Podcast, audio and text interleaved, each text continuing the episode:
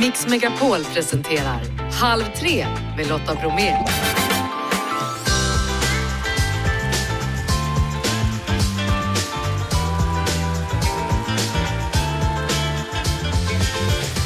Hallå där och varmt välkommen in i Halv tre-studion i dagens onsdagsmix Vårmode med Ebba Kleberg von Sydow.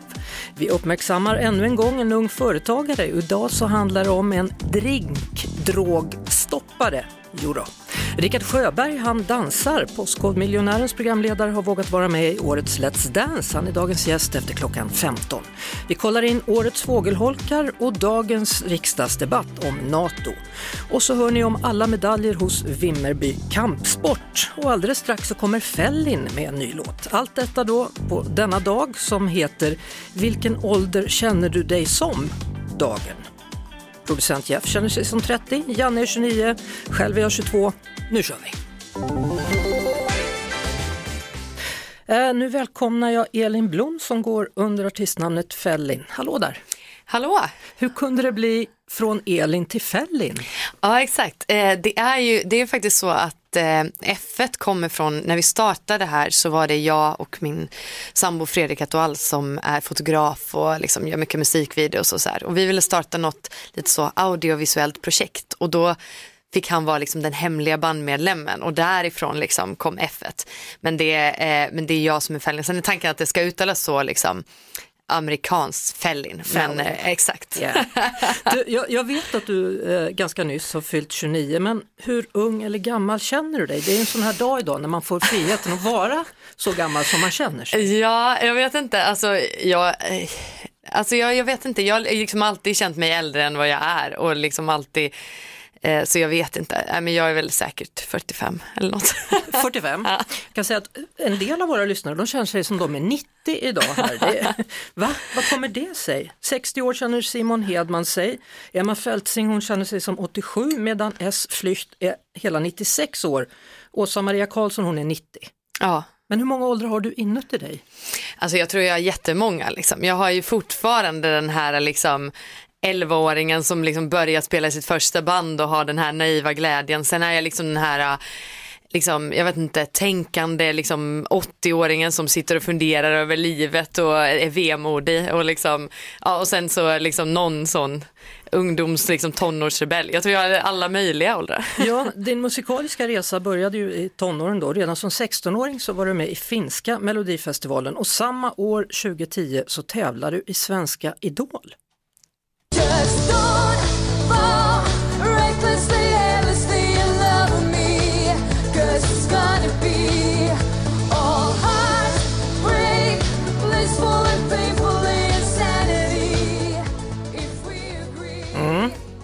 Hur kändes det? Ja, jag bara jäklar, jag bara så här, satt och skruvade mig lite. Alltså, jag är fortfarande väldigt stolt över min medverkan men jag var också liksom bara 16 så det är ju så här sjukt mycket som har hänt sedan dess. Eh, Vi ska säga det i alla fall att du gick vidare till kvalet och du slutade på en sjätte plats. Va, Ja. Vad hade hänt tror du om du hade vunnit? Var hade du varit idag? Alltså ingen aning. Jag tror liksom att det är svårt att säga för att när jag liksom var med i Idol så hade jag ju liksom då haft det här bandet i, i Finland och vi har varit med i finska mello och, och där var egentligen första gången jag liksom så stod på egna ben. Så att på det sättet så kanske det skulle ha varit hade man vunnit så kanske så här, jag inte hade fått heller den tiden att riktigt lista ut så här, vad jag vill göra och det har jag ju så här, fått göra nu på ett annat sätt. Så att efter då liksom jag flyttat till LA, pluggade musik där, skrev mycket till andra och så. Och nu liksom känns det som att jag har hittat det jag vill göra. Ja, och sen har du kompat då bakom en idolvinnare, Agnes på ett Pride-event i Australien, för det är en av de frågorna du brinner för. Ja, exakt. Jag, jag, vi kom precis, alltså väldigt nyligen hem från, från Australien där vi, jag spelade då med, med Agnes på Sydney World Pride.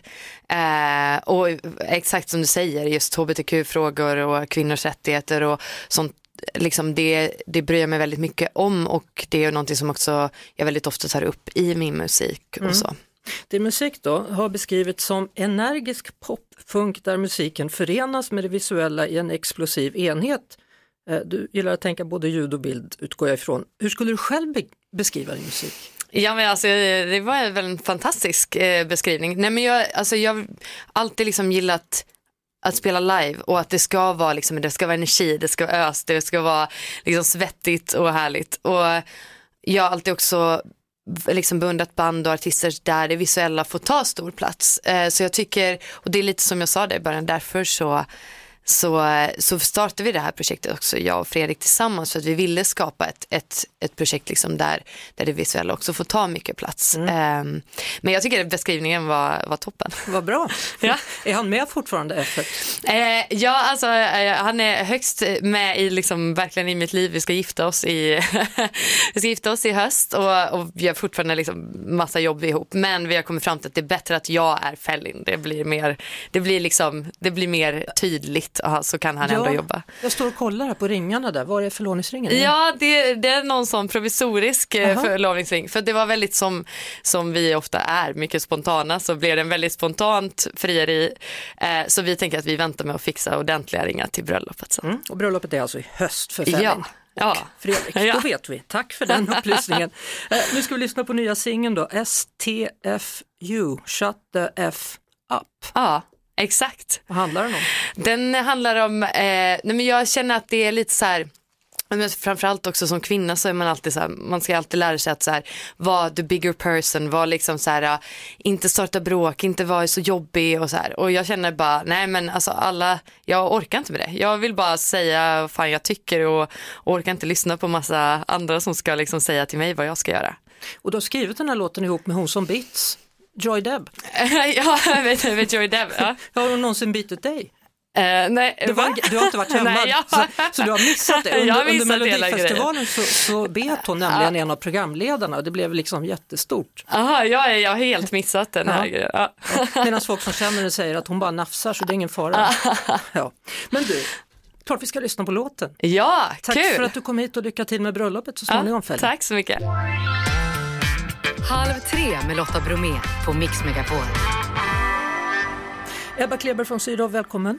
Tack så mycket! Journalist och stilexpert och kungligt intresserad. Jajamän. Hur gammal är du en dag som denna? Vad känner du dig som? Ja, men jag skulle säga att eh, jag känner mig eh, konstant som typ eh, Nej men gud det är en jättesvår fråga. Ja. Vet du, jag känner mig som den åldern jag är, jag är ganska nöjd med det och ibland glömmer jag till och med om det är liksom 40, 41 eller 39 eller whatever. Det är oviktigt för mig. Ja, du är runt 40. Ja. Ner, upp, plus minus. Eh, vi hoppas ju att våren är på gång då, den börjar i alla fall närma sig och vårkollektionerna börjar dyka upp här i butikerna och du har ju koll på detta. Idag pratar vi om vårmode för kvinnor, imorgon så kommer Oskar eh, Arsjö och då pratar vi om herrar. Då ska jag lyssna. Mm. Vilka färger, vad är det för färger i år? Ja, nu så har vi precis eh, liksom avverkat här i eh, högt tempo alla modeveckor inför höst och vinter. Så i modevärlden är man väldigt mycket inne i nästa säsong redan. Men om vi dyker ner i det vi ser här idag så är det underbart att vi är utanför studion och ser lite solglimt. Därför att det är ju en härlig vår av ljusblått och rosa och blommigt och skira härliga material. Men framförallt, jag börjar med att säga ljusblått därför att det är jättemycket av det.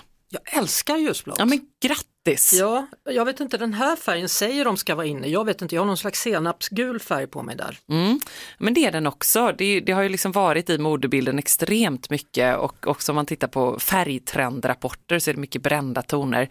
Men just en ljusblå som vi ser den eh, våren och sommaren 2023 så kan ju man redan nu plocka fram den i garderoben och gärna med fördel inspirerad av exempelvis Pradas catwalk styla den med svart. Så det är mycket det här liksom ljuslila, ljusblått och så kan du ha svart tröja, svarta skor, eh, den typen av styling. Ja, eh, det brukar ju vara så att allting går i cykler. Mm. Vilket årtionde är det vi ska rep- återupprepa nu den här gången? Vi är fortfarande väldigt fast i 90-talet. Nej, inte, Ehm, inte axlarna igen fortfarande. Eller? Nej, mera Eller är det 80? 90-tal. Ja, det är mera 80. Alltså mera 90-talet tänker liksom små, eh, tänk fucking Åmålkläderna liksom eh, här i Sverige, motsvarande små sådana här linnen med spaghetti straps och eh, eh, Som låg midja Aha. mm, på jeansen, tubtoppar, eh, väldigt mycket liksom velourset, hela den 90-talsestetiken. Men också en väldigt stilsäker, elegant 90-talslook som är minimalistisk. Vi har sett väldigt mycket så här puffärmar och stora axlar. som du nämner ett tag nu. Nu blir det mera eh, nedtonat, slikt, elegant, eh, dressat. Och förstås jättemycket kostymer fortfarande. Du pratar om tubtoppar, jag rös på hela armen här. Jag bara känner, så vad är det hon pratar om? Kolla, nu gör jag det igen här. Ser du? Men då säger jag det igen, ljusblått! Ja, Ja, tack. ja, varsågod, Det inte känns det bättre? förs- ja, ja, men nu plötsligt såg jag sån här ljusblå tubtopp så kände jag bara nej. Ja. Eh, blommigt sa du? Ja, det är mycket liksom flower power, storblommigt, lite arts and craftsiga mönster sådär. Också någonting vi har sett mycket av. En grej som eh, definitivt är något som sticker ut den här säsongen det är att det är mycket svart också i vår och sommar. Tänk I- i här som du är klädd i, ja, somrigt svart helt enkelt. Jaha. Så svarta skira klänningar, lite transparent och sådär. Det var ju spännande. På Ja. sommartid. Absolut. Oj, oj, oj. Mm. Så de ska man Jaha. inte plocka bort om man nu är en sån som liksom skiftar garderoben som många gör. Nej, och korsetten är tydligen också inne. Stämmer det? Ja men det gör det och stylad på nytt sätt. Alla de här plaggen vi pratar om är ju sånt som många kanske har i garderoben. Och då kan man tänka sig, dra, ta korsetten över en eh, skjorta, över vita skjortan om den är svart, över en t-shirt, över en tröja, lager på lager. Du är ju journalist och Grått är alltid rätt. det också stilexpert. Eh, Vi pratar vårens mode för kvinnor då. Vi har konstaterat att ljusblått kommer, att svarta skira klänningar även sommartid. 90-talet stannar kvar. Det kan vara bra att ha en korsett och gå in och hämta upp de där kläderna då som du hade förr om du kommer i dem fortfarande. Så. Men vi kan också lyfta outfiten med accessoarer. Då handlar det om skor och väskor. Mm. Var vill du börja? Ja men äh, åh, kan vi inte börja med skorna därför att det är en rolig skovår. Äh, ballerinan gör comeback, alltså den klassiska ballerinaskon i alla färger och former. Det har varit en sko med lite så töntstämpel egentligen. Jag vet inte ens vad det är du pratar om. Jag känner, var, var jag inte med på 90-talet? Nej, jag var inte moderiktig i alla fall. Nej, men det här är väl egentligen en, eh, eh, om du tänker dig Chanels klassiska liksom, platta ballerinasko med en tå som är en annan färg, säg att det är en eh, beige sko med en svart tå exempelvis.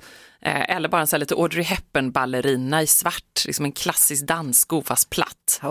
Eh, så den har ju varit, ja men och Karl Lagerfeld gjorde ju den här för Chanel då i slutet på 80-talet när han gjorde sin succéentré där och liksom vände om hela modehuset där. Ja.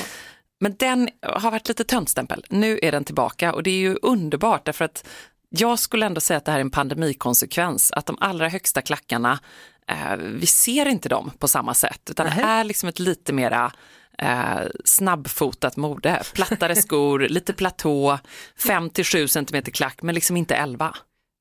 57 centimeters klack. Alltså 5 till 7. Ja, jag förstår det. Jag bara, jag bara tänker, du kommer aldrig se mig i de skorna säger jag. Så att det här är väl ett jättebra mode för mig då. Ä- Ja. Kan jag gå i sneakers, är det okej eller? Alltså det är inte okej, utan Nej. det är grymt bra.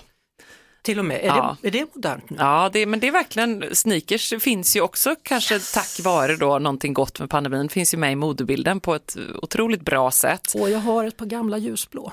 Ja men perfekt, superbra, jättebra. jag är så trendig. Och, och apropå gamla så ska de gärna ha den här lite eh, retro-looken, tänk nästan lite så här eh, bowlingskor, alltså lite konstiga former och mycket av den här rågummisulan ner till eh, ser vi väldigt mycket i modebilden, alltså en brun liksom, klassisk gummisula. Det här tyckte jag var bra, skor Mm. just, för det är aldrig fel. Eh, avslutningsvis då, eh, ska vi köra väskor eller?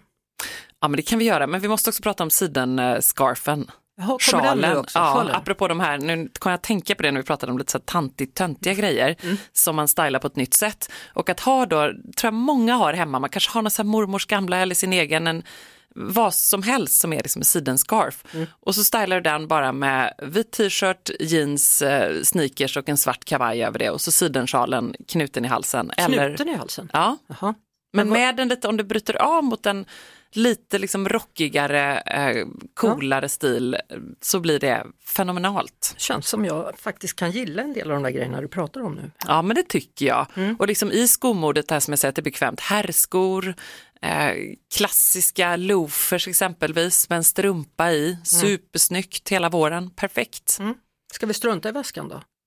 Ja, nej men den kan vi också prata om. Helt kort då kan du få säga. Ja, Vad men helt kort. Nej, men vi ser mycket lekfullt i härliga färger. Koboltblått, kleinblått, eh, orange. Härligt, våga liksom göra ett statement. Även alla som bara är helsvarta, resten.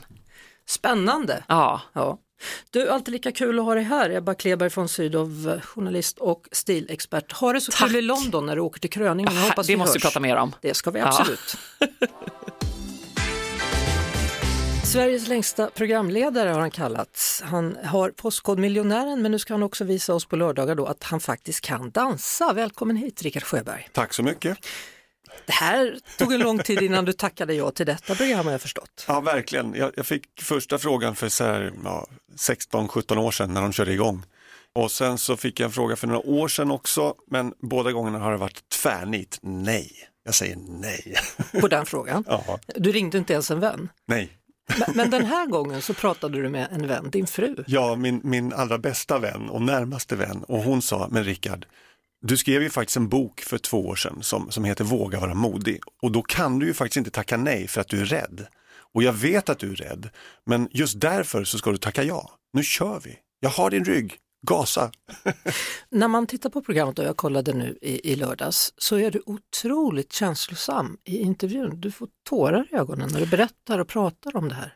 Jag har i hela mitt liv egentligen eh, flytt från allt vad dansgolv heter. Jag känner mig obekväm, jag känner mig stor och otymplig, uttittad, jag skäms över mig själv och att jag inte duger. Duger jag som jag är? Och där på dansgolvet känner jag att nej, jag är värdelös. Jag springer härifrån, jag sticker från festen. Så har jag känt och, och det här har varit en jättetröskel för mig att komma över. Och det känner ju min familj till. Och min familj satt ju där på första raden och såg mig dansa och såg mig inta dansgolvet och göra det här. Så det blev känslosamt för mig och det blev också därför känslosamt för min fru och mina barn. Ja, din dotter satt och grät hela tiden. Ja, Men det är något fint med det ändå, för då känner hon ju verkligen med dig. Ja det gör hon. Och eh, vi är lite gråtiga av oss emellanåt. Jag läste någonstans att hon sa till dig att livet är så kort pappa, du måste ta tag i det här. Ja, tänk att en 18-åring säger det. Det är relationer det handlar om. Det är det. Att vi bryr oss om varandra och att det, det skakar om oss inombords. Så vad är det bästa med att dansa då? Ja, men jag tror att det är att jag får lära mig ett nytt språk. Mitt språk i yrkeslivet har i 30 år varit att formulera meningar, ord, sammanhang och presentera saker och prata med folk och väcka känslor på det sättet. Nu ska jag göra samma sak, väcka känslor genom att röra mig på ett visst sätt och, och använda min kropp. Det, det, är ju, det är en turbulent resa inombords tycker jag. Vilket är bäst då, att du har gått över tröskeln eller att du faktiskt kan dansa? Nu kan du ju tango. Alltså jag kan ju en tango. och jag, när, när juryn sa det de sa efter att jag, vi hade dansat Tove och jag, då höll jag på att springa därifrån för jag tänkte wow, det, det blir inte bättre. Jag lägger av nu, nu får det vara bra. jag, jag, blev så, jag blev så rörd och tacksam. Men du, vad, vad är du för typ av människa? Är du en, är du en vinnartyp? Verkligen. Jag vill vinna.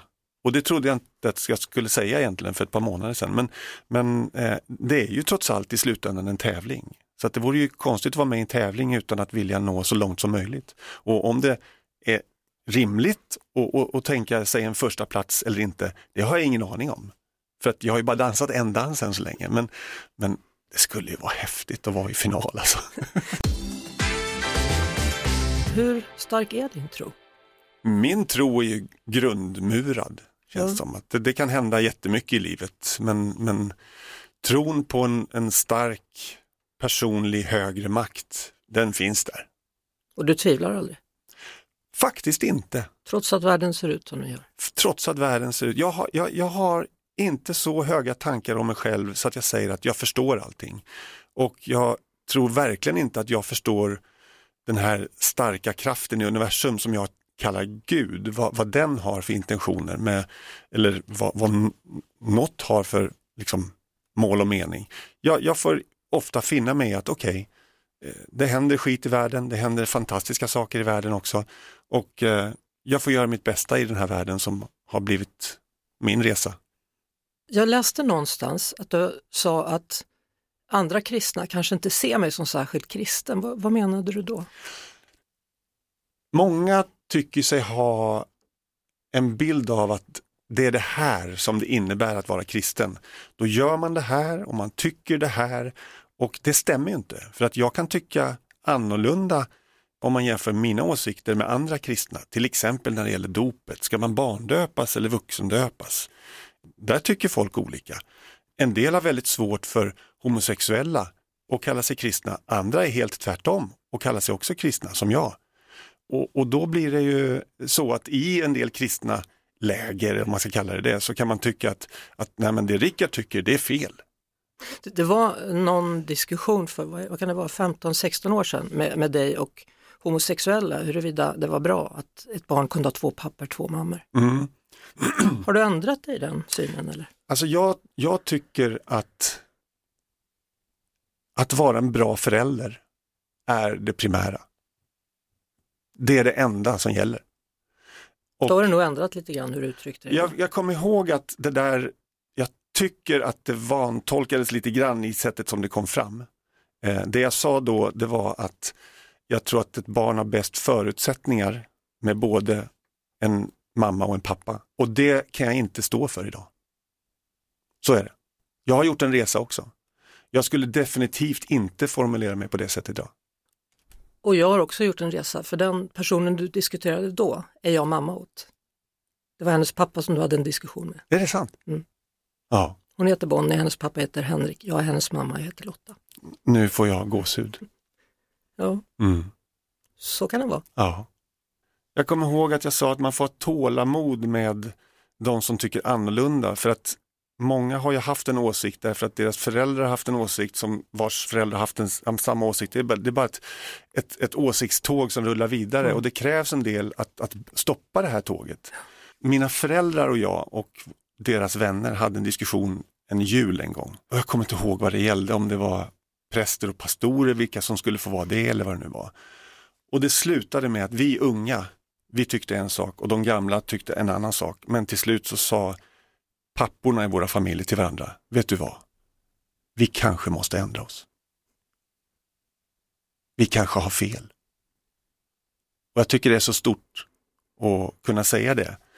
Eh, och sån vill jag vara. Vilken dans blir det denna vecka tror du? Jag får nog inte säga det. Blir det något spanskt eller Ja, latinamerikanskt? Ja, latindans blir det och det blir lite värre för mig.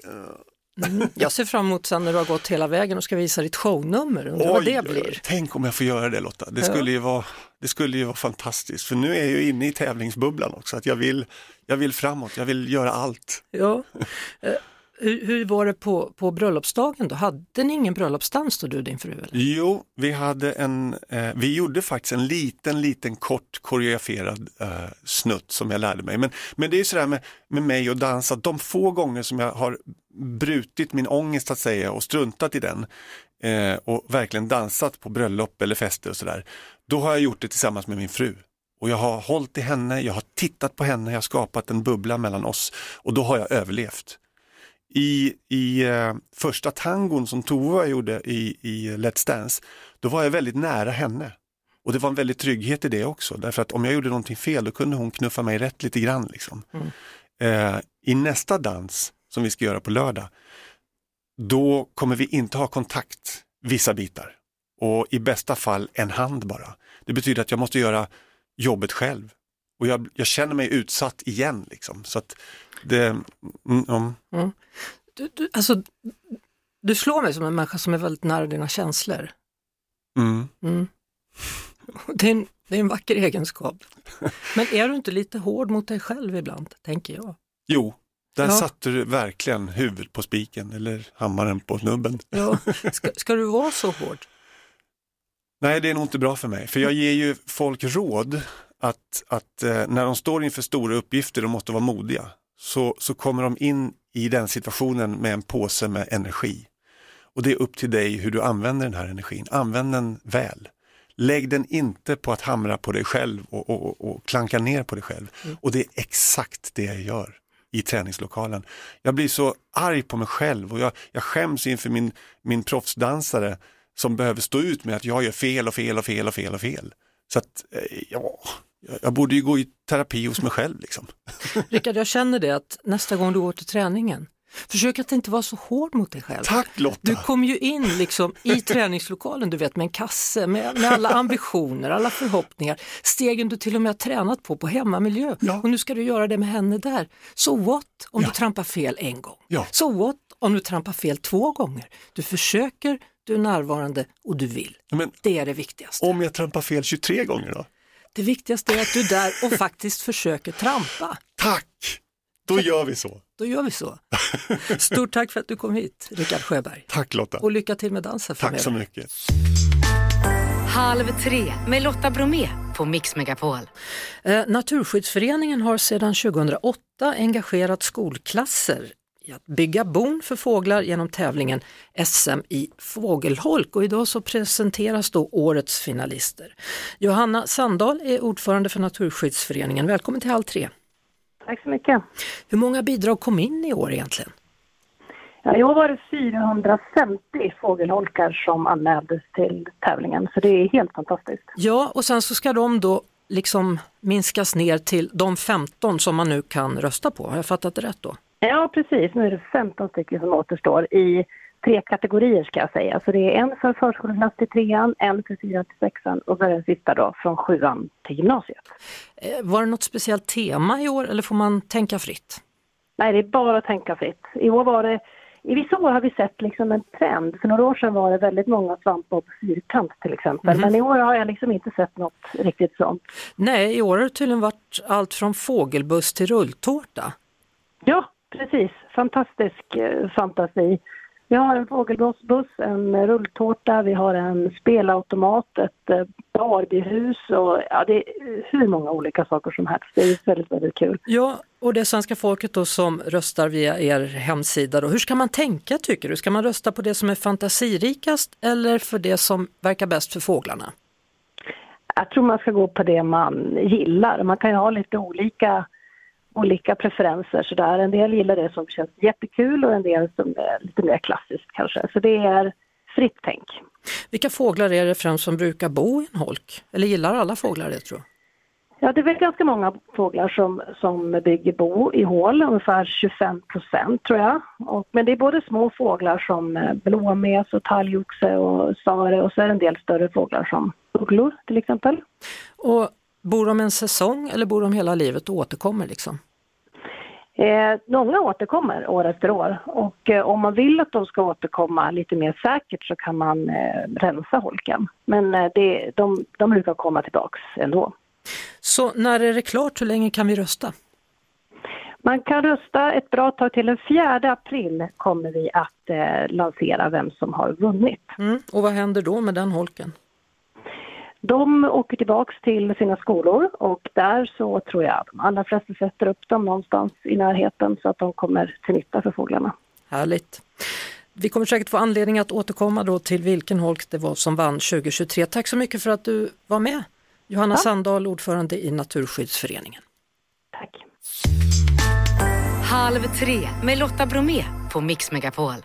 Under förmiddagen så har det pågått en debatt i riksdagen om NATOs vara eller icke vara och tidigast nu klockan 16 så kan man gå till omröstning och det finns ju olika åsikter då i frågan, till exempel Vänsterpartiets Håkan Svennelings och Centerns utrikespolitiska talespersons. När man lyssnar på Håkan Svenneling, herr talman, så måste man också se hur nära argumentationslinjen faktiskt ligger den linje som också talas i Kreml. Att det är Nato som hotar. Det är inte Nato som hotar. Vi söker medlemskap därför att det är Ryssland som hotar. Jag menar på att vi skulle kunna ha en annan strategi. Att vi skulle kunna vara militärt alliansfria och fortsätta vara det. För att det har tjänat oss väl under 200 år. Det har hållit oss utanför krig och konflikter. Men idag väljer riksdagsmajoriteten en annan väg. Det gör att det också ökar spänningarna i vårt eget närområde. Så sa alltså Håkan Svenneling då, Vänsterpartiets utrikespolitiska talesperson och Centerns dito då Kerstin Lundgren. Niklas Svensson från Expressen, jaha, man lyckas debattera en fråga här då som egentligen redan är avgjord eller? Ja, det kan man faktiskt säga. Eh, Den här omröstningen vet vi precis hur den kommer att sluta. Miljöpartiet och Vänsterpartiet är emot att vi går med i NATO och övriga partier i riksdagen kommer att rösta för. Så hur viktig är den här debatten? Vilka är för och vilka är emot? Kan någon svika sin partilinje etc?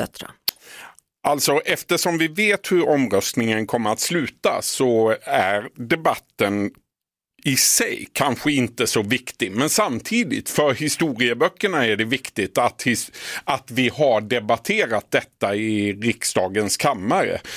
Eh, Vi fick här höra att vi har varit alliansfria i 200 år och det stämmer. Det är en oerhört stor säkerhetspolitisk förändring som sker i och med detta. Och det här är första gången man då kan diskutera det. Ja men precis, så Ja. är det. Eh, Finland är numera godkända då, eller i alla fall på god väg. Sverige väntar fortfarande på ja, ratificering från både Ungern och Turkiet. Kommer Mm. vi att få det? Ja, det tror jag att vi kommer att få. Och sen är ju frågan när vi kommer att få det. 28 av 30 NATO-länder har alltså redan godkänt Sverige och eh, Ungern och Turkiet väntar vi på. I Turkiet stundar ju nu ett val i maj och eh, sen har vi i mitten på juli eh, nästa NATO-toppmöte som är i Vilnius, Litauens huvudstad. Och många tror ju, även Sveriges utrikesminister, att Sverige har ratificerats också av Turkiet eh, när vi är framme i juli. Vi får väl se. Mm, många tror, vad tror du? Ja, man kan väl tycka att det vore, vore rimligt att även Turkiet har eh, gett sitt godkännande när 28 andra NATO-länder har gjort det. Men, men Erdogan eh, kan man inte riktigt lita på i de här sammanhangen. Så jag, jag vågar inte säga säkert. Så spåkulan säger inte klart Nja, det ena eller andra jag, idag. Jag skulle tro att de som är mycket klokare än jag, de experter vi har, de som säger att vi nog är godkända på nästa NATO-toppmöte, de har nog rätt. Halv tre med Lotta Bromé på Mix Megapol. Vi ska nu fortsätta vårt tema av att prata med UF-företag, unga företagare som vill göra skillnad i samhället. Med oss idag Thea Lind från Safe Drinks UF i Kalmar, ett UF-företag som inriktar sig på drogskydd för drinkar. Välkommen till Halv tre Thea. Tack snälla. Berätta om det här drogskyddet. Jo, alltså vi har ju tagit fram ett eh, drogskydd eh, gjort på naturligt silikon då som man fäster på sitt glas och eh, sen sätter man ner ett sugrör så man inte kan lägga ner droger och sånt. Kom ni på idén själva? Eh, ja, alltså vi letade ju efter ett problem här i Kalmar då, där vi är ifrån och kom då fram till att det var ett stort problem med ofrivilligt bruk av narkotika. Och vi började då googla runt lite efter en lösning men vi hittade inte riktigt en lösning i Sverige. Eh, men vi hittade en tillverkare i Nederländerna så vi började därför köpa in skydden därifrån. N- när du säger då att det här är vanligt, vad, vad är det som händer för den som inte fattar vad du menar när du säger så? Alltså det är ju så här, det är ju människor ute på krogen som liksom lägger ner tabletter och sånt i, alltså det vanligaste är ju unga tjejers glas utan att tjejen vet om det. Och sen så blir de ju så här, de mår illa och de kan, man kan liksom, man kan bli medvetslös. Ja, och bli utnyttjad då i värsta fall. Ja, exakt. Jaha. Va, vad har reaktionerna varit på det här? Jo, alltså vi har ju fått väldigt goda reaktioner. Vi var ju med i en tävling där vi vann och då blev vi, blev vi uppmärksammade och fick vara med i den lokala tidningen här i Kalmar och sen så av alla vi har sålt, jag har tyckt att det är ett väldigt bra initiativ av oss och alla har varit väldigt positiva. Mm. Så, så har man med sig det här skyddet ut då eller kan man sätta fast det runt armen eller något eller hur funkar det? Nej, alltså det är liksom ett skydd så har man med det i väskan och sen när man har köpt en drink så sätter man på skyddet på glaset och sen sticker ner ett sugrör. Ja, och då är det ingen som kan stoppa ner tabletter eller annan skit i glaset. nej, exakt. Mhm. Eh, vad tänker du, ska ni fortsätta med företaget efter studenten eller? Alltså vi hade ju gärna velat det men alla i vårt UF-företag vill åt olika håll. Någon vill resa och den andra vill flytta till Stockholm och börja plugga direkt. Så det blir lite svårt men vi kommer liksom själva fortsätta att använda skyddet. Och, så det liksom, vi vill fortsätta sprida budskapet vidare. Det är jättebra tycker jag. Ja. Thea Lind, lycka till med oavsett då vilket håll du väljer att gå så småningom. ja. Tack snälla. Tack för att du var med. Hej! Ja, hej hej. Och ni har ju pratat om att det är den här dagen då man får känna sig i vilken ålder man nu känner sig. Det är något annat som är speciellt med den här dagen också. Det är ju faktiskt en dag som fyller 30 år. Det är Kenneth-dagen! Mm. Välkommen Kenneth,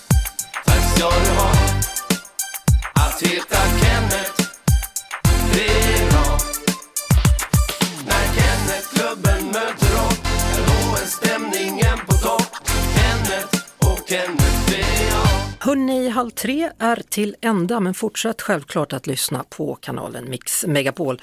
Det blir höjdargrejer också även när vi har sagt adjö för denna dag. Vi är tillbaka sen såklart imorgon och då bland annat med Vårmode för herrar med Oskar Arsjö. Isabella Lövengrip, före detta Blondinbella, är vår gäst efter 15 och så pratar vi med Nordman om kommande turné. Så vi hörs imorgon halv tre. Fortsätt nu att lyssna på kanalen och Podplay. Det har ju präglat mig väldigt mycket i och med att dels så fick jag ju vara storebror fast jag var lillebror. Kände det här dödshotet hela tiden ligga där. Så jag brukar beskriva det som att jag gick omkring i min barndom med en liten sån här, skateboard efter mig i ett snöre där liemannen stod på. Vi är från samma hemstad, men gick ändå parallellt genom tonåren. Vi började på samma lokalradio, men inte samtidigt. Han lärde sig att använda humorn som vapen. För mig så var det något att gömma mig bakom, ett försvar. Nu ligger tre av våra föräldrar begravda på samma kyrkogård. Jag saknar min pappa och han sin mor, far och bror. Vem snackar jag med? Robert Gustafsson. Mannen, mästaren på olika karaktärer och att vara rolig. Nytt avsnitt ute nu av podden Vem snackar med Lotta? Finns på podplay.se eller i podplayappen. Ett poddtips från Podplay. I podden Något Kaiko garanterar östgötarna Brutti och jag, Davva, dig en stor dos skratt. Där följer jag pladask för köttätandet igen. Man är lite som en jävla vampyr. Man har fått lite blodsmak och då måste man ha mer. Udda spaningar, fängslande anekdoter och en och annan arg rant. Jag måste ha mitt kaffe på morgonen för annars är jag ingen trevlig människa. Då är du ingen trevlig människa, punkt. Något Kaiko, hör du på Podplay. Därför är gardinerna.